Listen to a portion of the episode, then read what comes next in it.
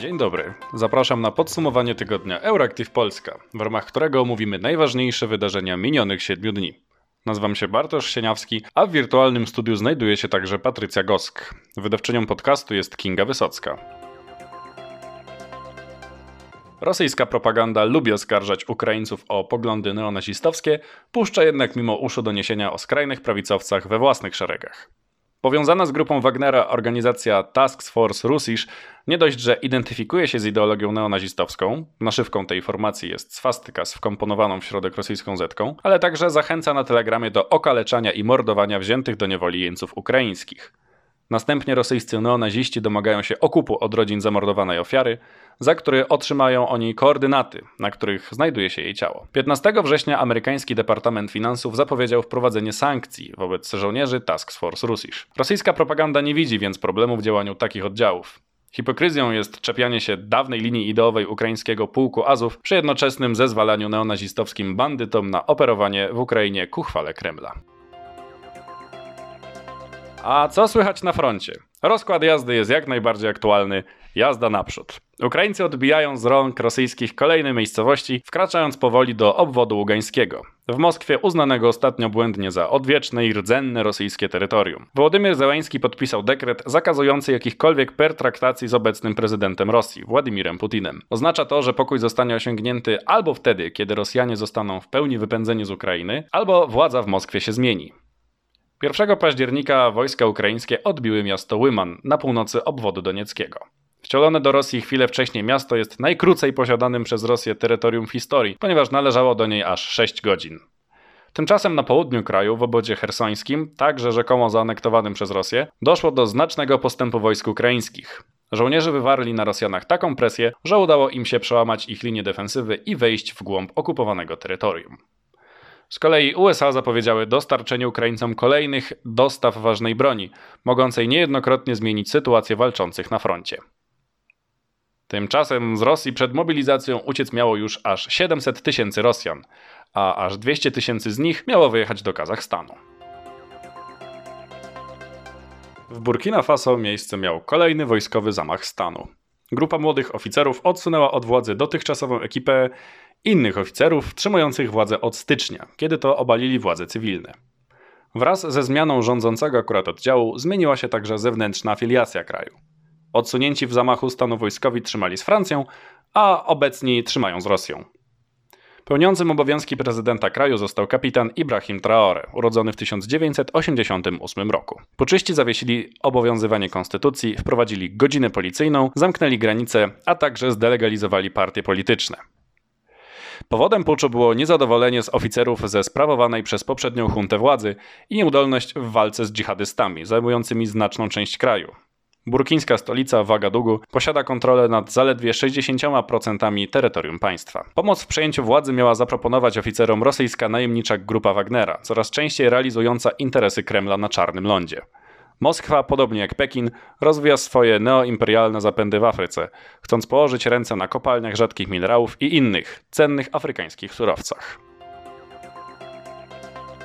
Wyborcze emocje sięgają w Brazylii zenitu. W politycznym ringu w walce o urząd prezydenta tego ważnego państwa stanęło dwóch faworytów: skrajny prawicowiec Jair Bolsonaro, dotychczasowy prezydent kraju, oraz Luiz Inácio Lula da Silva, socjalista, a także były prezydent. Panowie reprezentują bardzo różne opcje polityczne. Bolsonaro to nacjonalista i kapitalista, pałający wielką niechęcią do Puszczy Amazońskiej, którą pozwolił wyciąć praktycznie w pień.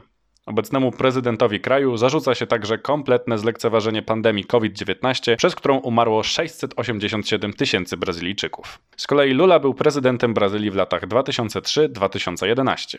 Planował kontynuować swoją karierę głowy tego państwa, jednak plany pokrzyżowała mu afera finansowa na lewicy.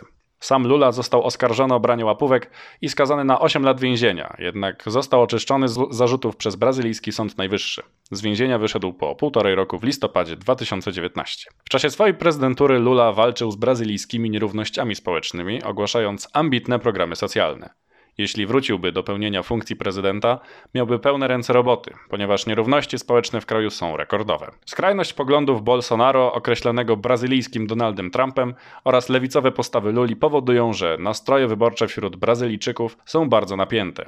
Policja w São Paulo zatrzymała ostatnio zwolennika Luli, który śmiertelnie ugodził nożem zwolennika Bolsonaro. 2 października odbyła się pierwsza tura wyborów prezydenckich. Zdominowana została przez omawianych wcześniej polityków, którzy dostali się do drugiej tury. Pierwszą rundę walki o fotel prezydenta wygrał Lula, zyskując 48,4% poparcia przy 43,2% dla Bolsonaro. Kolejny polityczny pojedynek odbędzie się 30 października, a sondaże wskazują na ponowną wygraną Luli. Istnieje szansa, że Bolsonaro, podobnie jak Donald Trump, nie zaakceptuje wyników tych wyborów, jeśli przegra.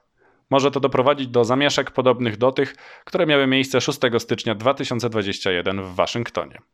Jednak Trumpowi nic z zamachu stanu nie wyszło, a i Bolsonaro grozi w tej sytuacji wycieczka na śmietnik historii. Z pewnością liczy na to znaczna część brazylijskiego społeczeństwa. USA i Korea Południowa wystrzeliły po dwie rakiety krótkiego zasięgu w ramach wspólnych ćwiczeń. To reakcja na wystrzelenie przez Koreę Północną pocisku, który przeleciał nad terytorium Japonii. W czasie ćwiczeń wystrzelono m.in. po parze amerykańskich rakiet ATA-CMS oraz koreańską rakietę Hyunmo-2. Ta jednak spadła krótko po starcie. Wcześniej wojska amerykańskie i koreańskie przećwiczyły również precyzyjne bombardowanie nad Morzem Żółtym na zachód od Półwyspu Koreańskiego. Rzecznik prasowy Unii Europejskiej określił działanie Korei Północnej jako lekkomyślne i rozmyślnie prowokacyjne. Unia Europejska w oświadczeniu wezwała również Radę Bezpieczeństwa ONZ do reakcji na wzrastające zagrożenie dla międzynarodowego i regionalnego pokoju i bezpieczeństwa. Jednocześnie podkreślono, że Korea Północna musi zaprzestać testów rakietowych, prób z bronią nuklearną i rozpocząć rzeczowy dialog z USA, Koreą Południową i innymi członkami społeczności międzynarodowej. Korea Północna wystrzeliła po raz pierwszy od pięciu lat rakietę, która zanim spadła do Oceanu Spokojnego, przeleciała nad terytorium Japonii. Pocisk Hwasong-12 pokonał około 4,5 tysiąca kilometrów. Próba rakietowa doprowadziła do alarmu w Japonii. Władze nakazały obywatelom poszukać schronienia, przestały również kursować pociągi na północy kraju.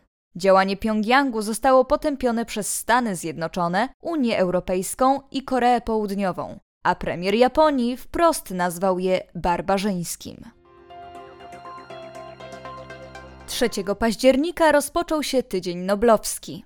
Uroczystości po raz pierwszy od dwóch lat odbywają się w trybie normalnym, bez restrykcji związanych z pandemią COVID-19. Nagrodę Nobla w dziedzinie fizjologii i medycyny za odkrycia dotyczące genomów wymarłych hominimów i ewolucji człowieka otrzymał szwedzki biolog Svante Pääbo. Tegorocznymi laureatami w dziedzinie fizyki zostali Elaine Aspect, John Francis Clauser oraz Anton Zillinger za pionierstwo w mechanice kwantowej. Grupa badawcza badająca stan splątany układów kwantowych wykazała zjawisko zwane teleportacją kwantową. Przekazała Królewska Szwedzka Akademia Nauk.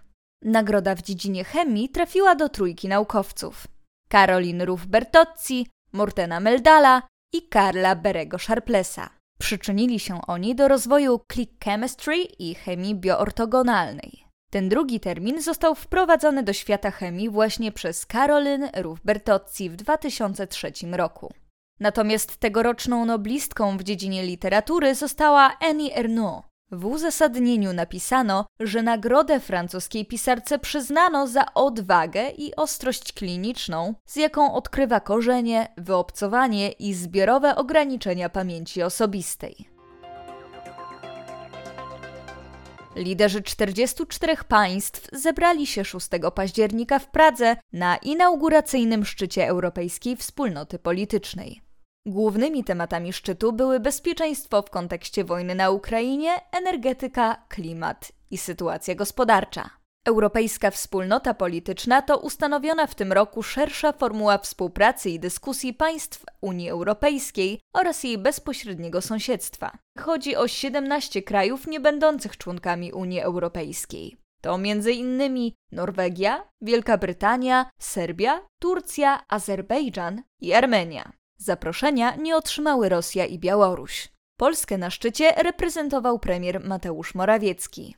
Inicjatorem nowego formatu jest francuski prezydent Emmanuel Macron, a głównym celem spotkań Europejskiej Wspólnoty Politycznej ma być dialog na temat wyzwań stojących przed całym kontynentem. Niektórzy obserwatorzy wyrazili obawy, że spotkanie będzie jednorazową akcją z trudnościami w stworzeniu odpowiedniej struktury decyzyjnej. Oczekuje się, iż przywódcy zgodzą się na zorganizowanie kolejnego szczytu wspólnoty za 6 miesięcy lub za rok w kraju spoza bloku UE 27. Gospodarzem takiego spotkania mogłaby być Wielka Brytania lub Mołdawia. Wszystkie państwa członkowskie Unii Europejskiej wyraziły już zgodę na ostateczny kształt ósmego pakietu sankcyjnego na Rosję za inwazję na Ukrainę. Uzgadnianiu ósmego pakietu sankcyjnego towarzyszyły poważne spory. Ambasadorowie państw członkowskich przy instytucjach europejskich musieli się w tej sprawie zbierać aż trzykrotnie. Mimo to jest to jeden z najszybciej przyjętych zestawów sankcji na Rosję. Działaliśmy szybko i zdecydowanie. Z zadowoleniem przyjmuję porozumienie państw członkowskich w sprawie ósmego pakietu sankcji. Nigdy nie zaakceptujemy fałszywych referendów Putina ani jakiejkolwiek aneksji na Ukrainie, napisała na Twitterze przewodnicząca Komisji Europejskiej Ursula von der Leyen.